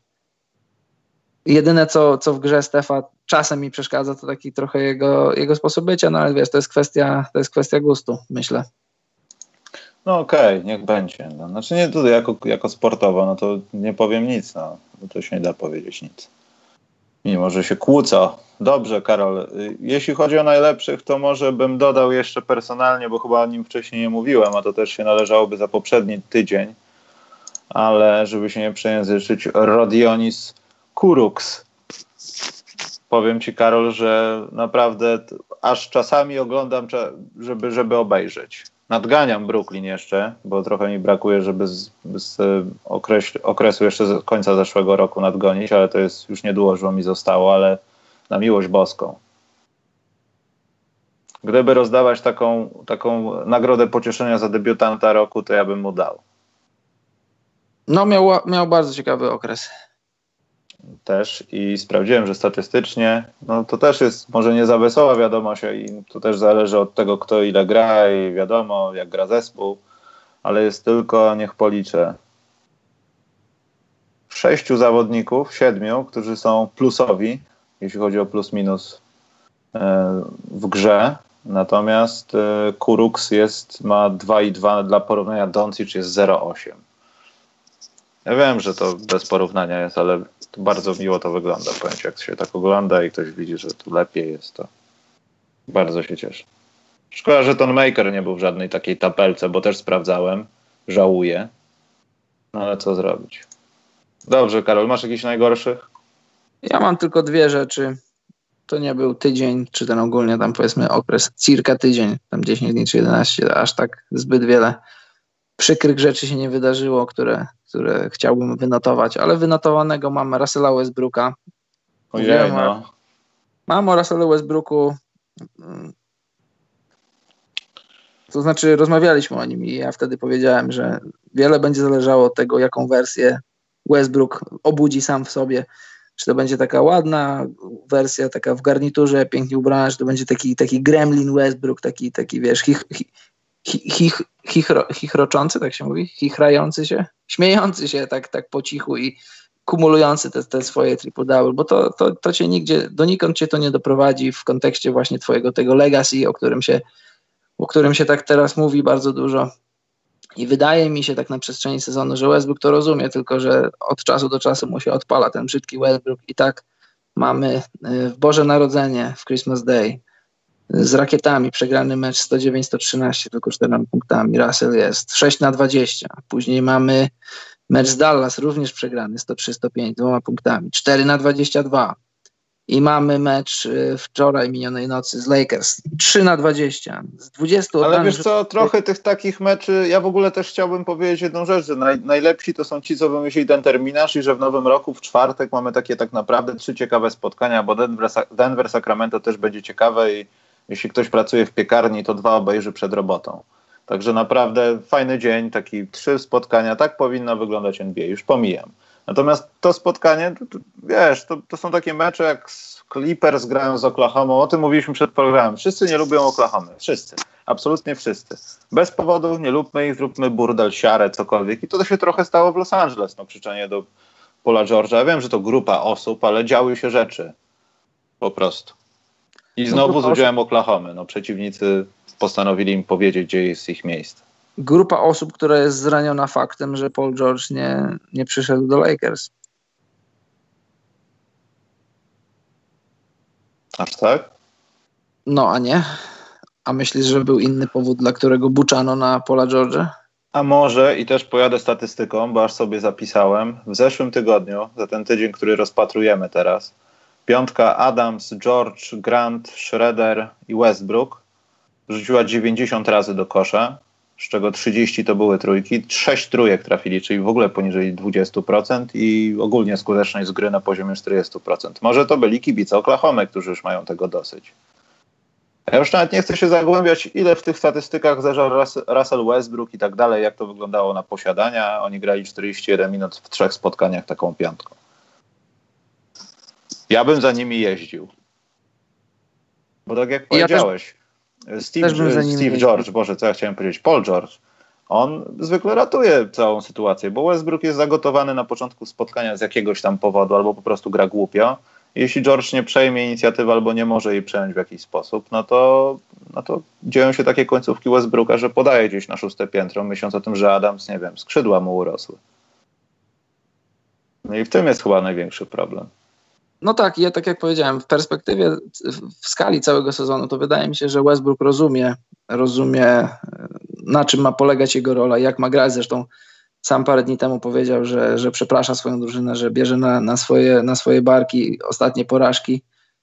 Dobrze, że ma tego świadomość. I ja, ja rozumiem, że ciężko jest wyzbyć się, wyzbyć się, znaczy zmienić styl, w jakim się grało przez, przez dekadę, no bo Westbrook już gra 10 lat w NBA ma 30 lat i ciężko, ciężko starego psa nauczyć nowych trików, no ale nie miałem się do czego przywalić, to się przywaliłem do Westbrooka. Nie, żartuję.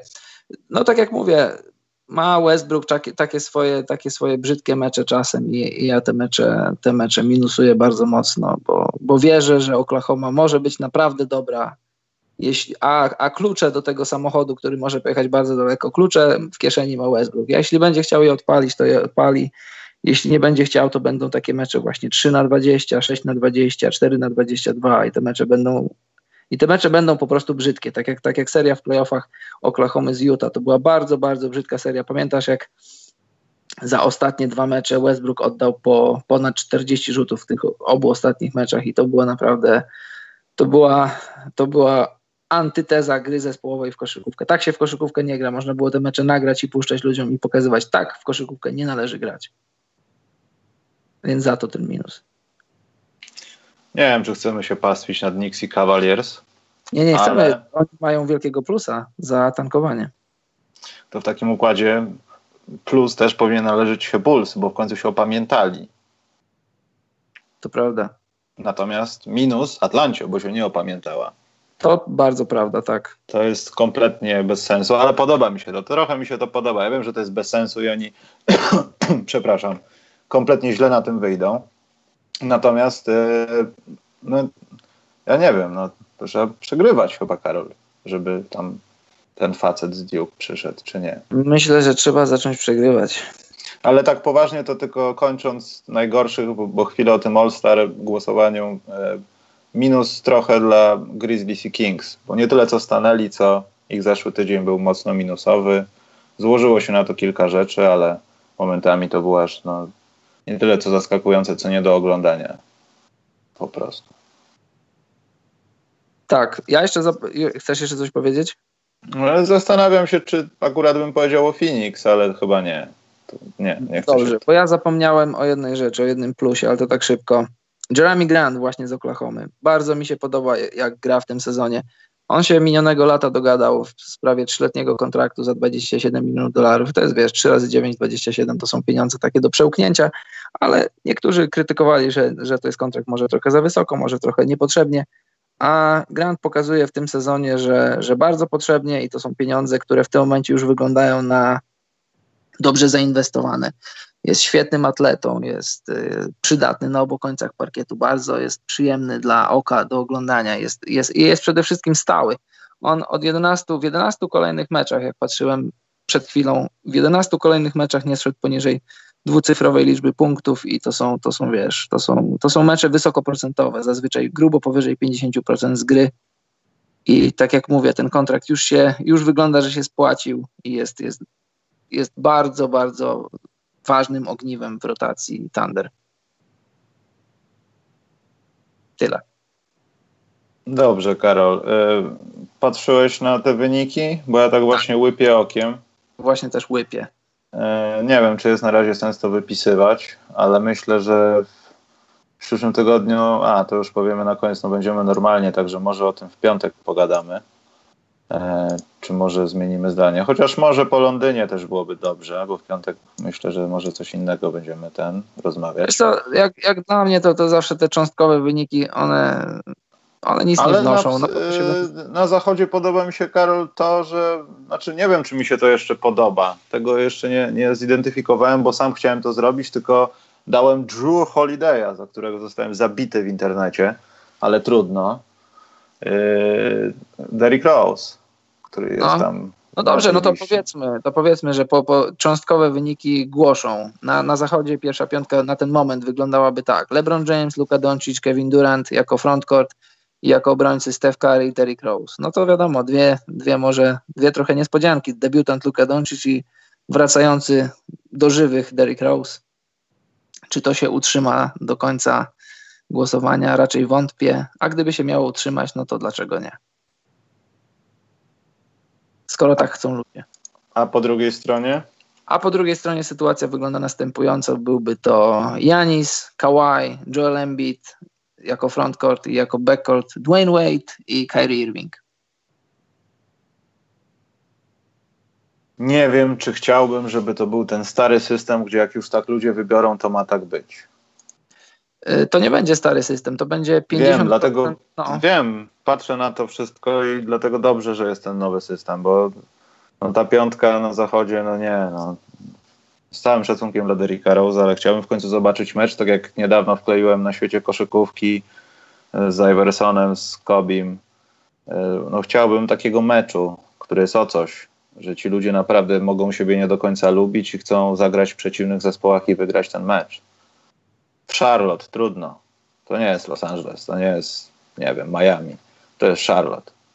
Ale żeby był taki mecz na poważnie. No i gdyby były takie piątki, to ja bym tego kompletnie nie widział. No dobrze, ale jest zaskoczony czymś Karol? Bo ja chyba niespecjalnie. No, tak jak mówię, mnie te cząstkowe wyniki nigdy nie, nigdy nie szokują, nigdy nie zachwycają, bo, no bo wiadomo, że jak to później będzie wyglądało, że to się zweryfikuje.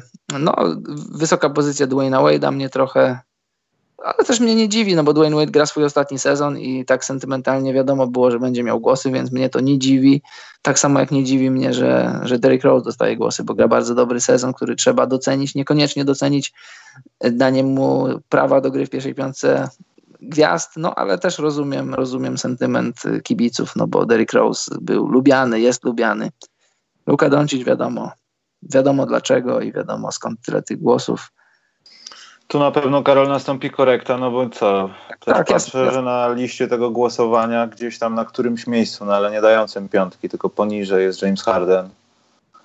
E, także myślę, że on tam się doczłapie. No, raczej nie wierzę w to, że to ktoś tego nie doceni. Tam po drugiej no. stronie Kemba Walker. No, no, też tak myślę. Nie wierzę, żeby wśród gospodarzy nie było takiego ciśnienia, żeby Walker znalazł się w tej piątce i w zasadzie może i zasłużenie by się tam znalazł. No to on ciągnie tą drużynę, która ma właśnie, to jest śmiesznostka. Patrząc na terminarz Charlotte, znaczy na terminarz, bilans Charlotte, to oni wiecznie grają taką sytuację, że mają jedno zwycięstwo, zero porażek, potem mają 1-1, potem jest 2-1, 2-2, potem jest nawet 2-3 i jest 3-3. Oni nie potrafią wyjść ponad jedno spotkanie powyżej 50% tak, momentami. Tak, tak. No. Dobrze, Karol. Pytanka myślę, że teraz i możemy uciekać. Także weź rzuć na czat. Ja tutaj wprowadzę o w rozpisce. Patrzę. Jeśli zadaliście jakieś pytanie dawno, to przeklejcie jeszcze raz, to będzie nam łatwiej szukać. Maciek Szetela pytał na początku. Odpowiedź brzmi nie wiem. Bo pytał, kiedy gra o klon następna. Tak, tak, widziałem.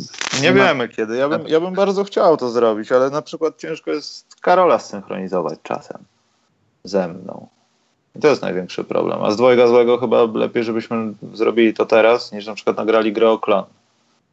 Są jakieś priorytety. Aczkolwiek nie jest powiedziane, że w ogóle już jej nie nagramy. To, to je, jeszcze nie ma takiego oficjalnego statementu, także bez sensacji. A potem Karol Szwedzka Rodowicz ma wąsy i penisa. Dopiero to przeczytałem. Bardzo dobrze. Nie, nie ma. Semi ożeleje. Czołem, panowie, komentarz do nocnego występu Gordona poproszę, yy, poproszę. To będzie się powtarzać, czy nie wrócisz do dyspozycji sprzed kontuzji? To się już raz chyba powtórzyło w zeszłym miesiącu, że rzucił 30 punktów, czy nie? Ale o czym mówimy? O Eryku Gordonie? A nie o Gordonie Haywardzie? O Haywardzie? A, tak. Yy... Że rzucił 3-5 na Minnesocie, tak, tak. gdzie Boston tak naprawdę wygrywał cały ten mecz i tam w zasadzie się nic dużego nie działo. Był taki jeden moment chyba w połowie, ale bliżej połowy. Tylko nie wiem, czy za, czy przed, nie pamiętam. Przeklikałem ten mecz, szczerze mówiąc. Ale przeciwko Minnesocie, Karol, patrząc na to, czekaj, kiedy rzucił 30 punktów to ostatnie? Bo rzucił chyba. No, dzisiaj A, rzucił. Ale nie, 35, ale wcześniej też miał trzy dychy. Tak, miał jakiś mecz. Z Minnesota. A, jakie było pytanie odnośnie Haywarda? E, czy, czy to się utrzyma? Czy on prawdopodobnie tak domniemam, e, czy będzie tak grał dalej, że będzie 30 za 30 i będzie taki, wiesz, bardziej wspierający niż 9 punktów w meczu i 2 na 5 w grze. Podejrzewam, że tak jest. Odpowiedź na to pytanie jest dość proste. Gordon Hayward wraca po, po bardzo, bardzo poważnej kontuzji. Jeśli zapomnieliście, to sobie sprawdźcie, że ta, ta stopa była nie tylko złamana, ona w zasadzie wyglądało to tak, jakby wisiała tylko dzięki temu, że, że Hayward ma skarpetę. Była bardzo poważna kontuzja i on, on cały czas wraca po tej kontuzji. To że, to, że gra, to nie znaczy, że jest w 100% tym, kim był. wierzymy w to, że, że będzie tym, kim był, bo ma 28 lat, czyli jego ciało jeszcze, jeszcze, jeszcze dobrze pracuje, jeszcze dobrze się regeneruje i trzymajmy kciuki za to, żeby, żeby wrócił do pełni zdrowia, ale on jeszcze nie jest w 100% tym, kim był. I takie mecze jak ten pokazują, że, że już jest coraz bliżej, że, że ta eksplozywność w nodze, ta siła wraca. No i bardzo dobrze. Jeśli, jeśli zdrowie mu dopisze, jeśli zdrowie będzie wracać, jeśli będzie całkowicie odblokowany przede wszystkim psychicznie przed, przed atakowaniem obręczy, przed odniesieniem kolejnej kontuzji, bo zawsze koszykarze podkreślają to, że najgorsze, co możesz zrobić, to iść na parkiet i z przeświadczeniem takim, żeby tylko nie dostać kontuzji. Jeżeli tak wychodzisz na parkiet, no to, no to nie macie, znaczy nie ma dużej części z tego, co mógłbyś dać swojej drużynie, jeśli z takim przeświadczeniem wchodzisz na parkiet. Dobrze, takie, tak, takie mecze są sygnałem, że, że wszystko idzie w dobrą stronę, że fizycznie już jest coraz lepiej, psychicznie jest coraz lepiej. I jak dla mnie nic nie stoi na przeszkodzie przed tym, żeby Gordon Hayward był tym, kogo znaliśmy z Utah. Tyle. Amen.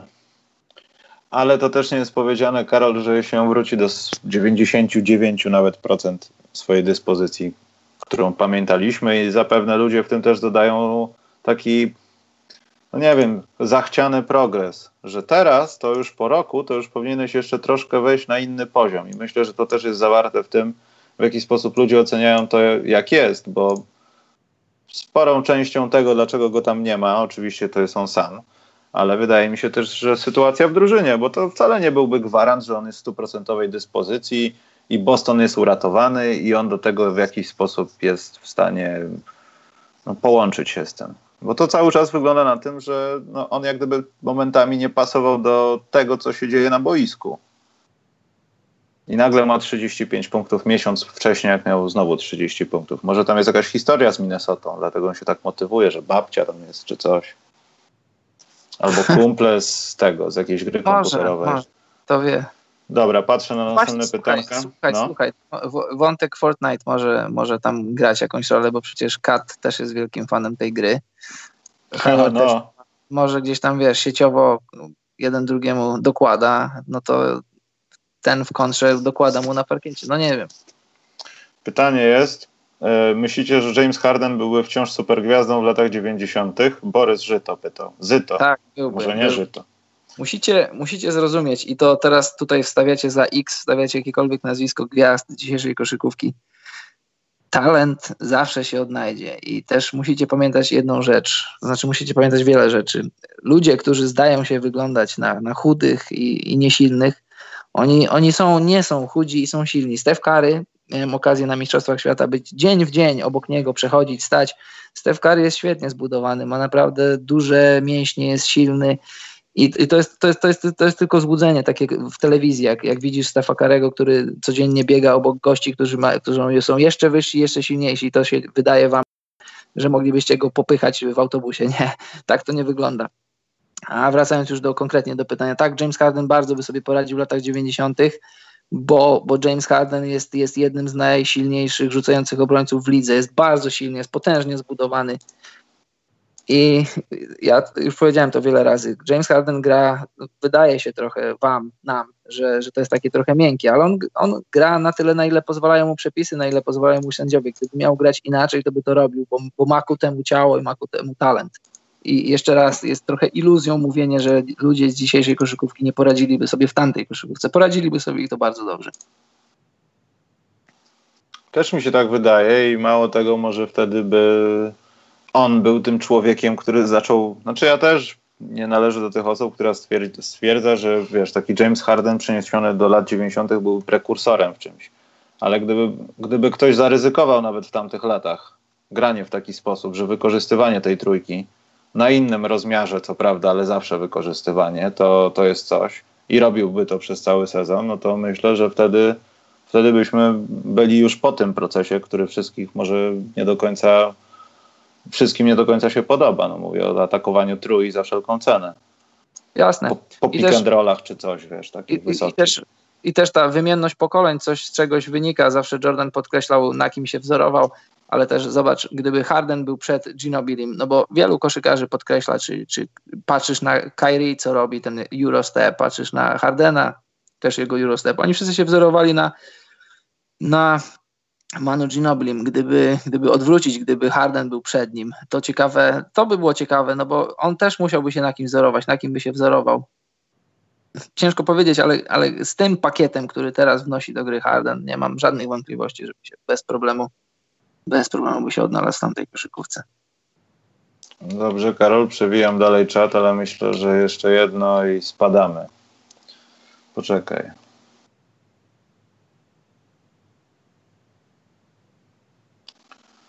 Walter pytał, ponoć SQN, czy Arena ma wydać Jezusa Shuttleswortha w tym roku? Słyszeliście coś o tym? E, nie słyszałem niczego dokładnie o tym, natomiast dotarły do mnie takie plotki, które ty podałeś, natomiast myślę, że jedno z tych dwóch wydawnictw e, wyda jedną książkę, która będzie bardzo ciekawa.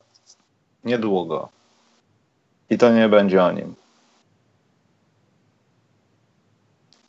o, i to pytanie, Karol zamyka cały podcast. Mateusz Dobosz pyta, co sądzicie o ostatnich meczach w TV naszej ukochanej Pelka? To szczęśliwy fart, czy bardziej zaplanowana akcja? Nie wiem. Nie wiem też, dlaczego byłem przy tym wsadzie Sokołowskiego jako postać drugoplanowa. Nie mam bladego pojęcia, ale też, no nie wiem, cieszę się. Może tam ktoś w końcu stwierdził, że dajmy retro, dajmy jak najwięcej kosza, bo może ludzi więcej będzie to nasze coś oglądało. Nie wiem ale podoba mi się. Ale podejrzewam, że to były jakieś ustalenia już, już wcześniejsze. Po prostu. Poza tym też a propos meczu Legia Stelmet, to, to Karol, to też jak byś ocenił z punktu widzenia trenera, powiedzmy nawet, no. Ja nie że... wiem, nie, nie oglądałem. Ja tylko wiem, że, że w Lublinie Ale... game winner, a nie wiem co, co innego. No to to było szalone, to już było strasznie szalone. Natomiast yy, mówię o tym meczu Legia Stelmet, bo z, rozmawiałem z trenerem Legii po tym meczu. Ich sytuacja była taka, że po pierwsze musieli dojechać w ogóle w jakichś korkach na wyznaczoną godzinę, na wyznaczony trening, który rozpoczęli. Trwał on 15 minut, po czym okazało się, że jest alarm przeciwpożarowy E, no i skrócił im się przez to trening, bo sala była wynajęta od tej do tej. No i ciężko im było podejść do meczu, co oczywiście nie było wymówką, no bo wiadomo, że, że zawodnicy z Zielonej Góry, i tu pozdrawiam Kosmę, Karol jest Inside, będzie zdjęcie. E, Kosma e, Zatorski ma naklejkę podcastu specjalnego na laptopie. Pięknie. Więc widzisz, już Karol, gdzie zawitaliśmy.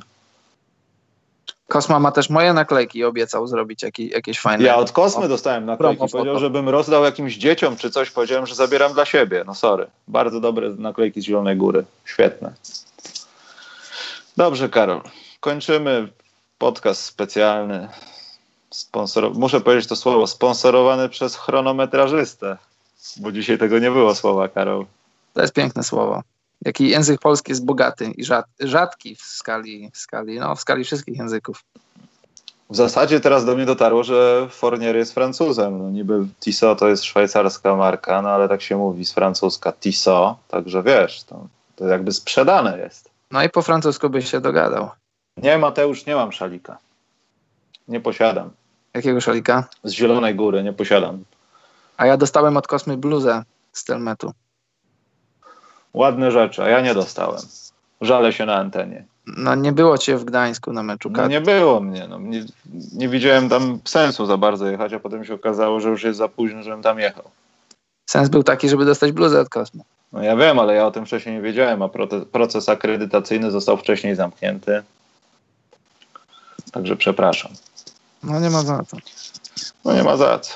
Dobrze, Karol, kończymy. Słuchajcie, w tym tygodniu będziemy tylko raz, bo tak niestety terminarz mój Karola spowodował, że tak musi być, ale przed wyjazdem, czyli do Londynu, co widzicie za 14 dni, Karol, w sumie, mhm. to mhm. będzie poniedziałek. Co? Równo dwa tygodnie. Dokładnie. Yy, właśnie, równo dwa tygodnie mecz się zaczyna, Karol.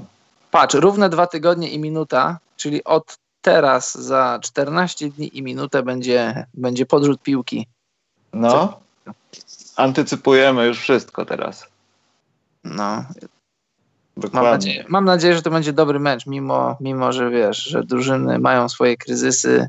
To jest jednak NBA. NBA na żywo się zawsze podoba. Niech no jasne. A poza tym nie oszukujmy się, Karol. No, będziemy szczęśliwcami, którzy dotrą prawdopodobnie, jak to powiedziałeś, w 97% na trening. To jest moim zdaniem chyba znacznie wartościowe. Nie ujmując mm, dla meczu nic, no wiesz, wiadomo, ale trening to Słuchaj, trening. ja się zgadzam i ja zawsze tak mówię, no bo mecz możesz sobie obejrzeć y, na League Passie i możesz go sobie obejrzeć w zwolnionym tempie, możesz każdą akcję sobie przestudiować jak chcesz, a te, takie rzeczy, takie od kuchni, których normalny kibic nie jest w stanie zrobić, właśnie jakieś treningi, jakieś tam rozmowy z, le z legendami koszykówki, które teraz są różnymi tam ambasadorami czy jakimiś działaczami NBA, to są takie smaczki, to nie są smaczki dodatkowe, jak dla mnie to jest właśnie główne danie tego całego wyjazdu. No mecz, wiesz, mecz jak mecz. Mecz jest dla mnie tylko tłem, bo meczów dobrych, bardzo dobrych. Poza tym, ja już mówiłem to wielokrotnie, mi nie odpowiada oglądanie z tej pozycji spotkania. To jest, to jest straszne. Ja wiem, że fajnie jest pójść na mecz NBA, ale żeby pójść obejrzeć mecz i tak naprawdę go prześledzić, no to, to, to przepraszam, to cztery ściany, telewizor nie ma lepszego sposobu, bo... Miejmy, miejmy nadzieję, że miejsce, z którego oglądaliśmy NBA w zeszłym sezonie. Się nie powtórzy. Się nie powtórzy, bo wiesz, jak, jak ja już byłem na tych meczach w Londynie od, od 2013 roku nieprzerwanie, to zawsze mieliśmy lepsze miejsca, zawsze mieliśmy miejsca tuż za koszem i to naprawdę widoczność była dobra. A teraz nas trochę wypluło, wypluło na, na Monteverest, no może nie, no ale tak trochę, tak trochę średnio. Mam, miejmy nadzieję, że, że będzie lepiej, a jak nie, to a nieważne. Dobrze, Karol, więc kończymy ten przepiękny dzisiejszy podcast. Wbijajcie na Patronite'a, na Donki, na wszystko, bo faktycznie z Karolem zamierzamy wydać dużo pieniędzy w Londynie, bo zamierzamy podpisać. Nie, zamierzałem podpisać jakiegoś gościa. Myślę, że trzeba ich przepłacić, nadpłacić, dlatego musimy oszczędzać na noclegu, a mieć dużo pieniędzy, że będzie na przykład, nie wiem, Michael Jordan, a my mu tam podsuwamy 200 euro, że, że może z nami jednak. Wiesz, nie wiem, czy 200 euro jest sumą, która przekona Michaela. Dla zachęty, no podaję symbolicznie. Jak będzie więcej ludzi na Patronite i donatorów, to będzie więcej. No to będzie, więc kubka będzie tych 200. Nie, ale... Ja będę, jeśli będzie, to będę się starał e, dotknąć jego serca ciepłym słowem o tym, że, że kibicuję mu od, od początku. Myślę, że to jest więcej, myślę, że to jest więcej warte dla Jordana niż, niż 200 euro. Ja po tym, co widziałem w zeszłym roku, już mogę to powiedzieć, to nie nastawiam się na nic ciekawego w sklepiku, na co mogłem zdefraudować wasze pieniądze nawet. To było żałosne, Karol. Mam nadzieję, że to też się nie powtórzy. O, zobaczymy, co w sklepie. To było żenujące. Sklepik był żenujący. Kto był, to wie. Dobrze, Karol. Więc słuchajcie, do usłyszenia w poniedziałek. Karol, czas na twoją sentencję i znikamy. Dziękujemy za dziś. Było jak zawsze miło. Dobranoc, mili ludzie, i do usłyszenia następnym razem.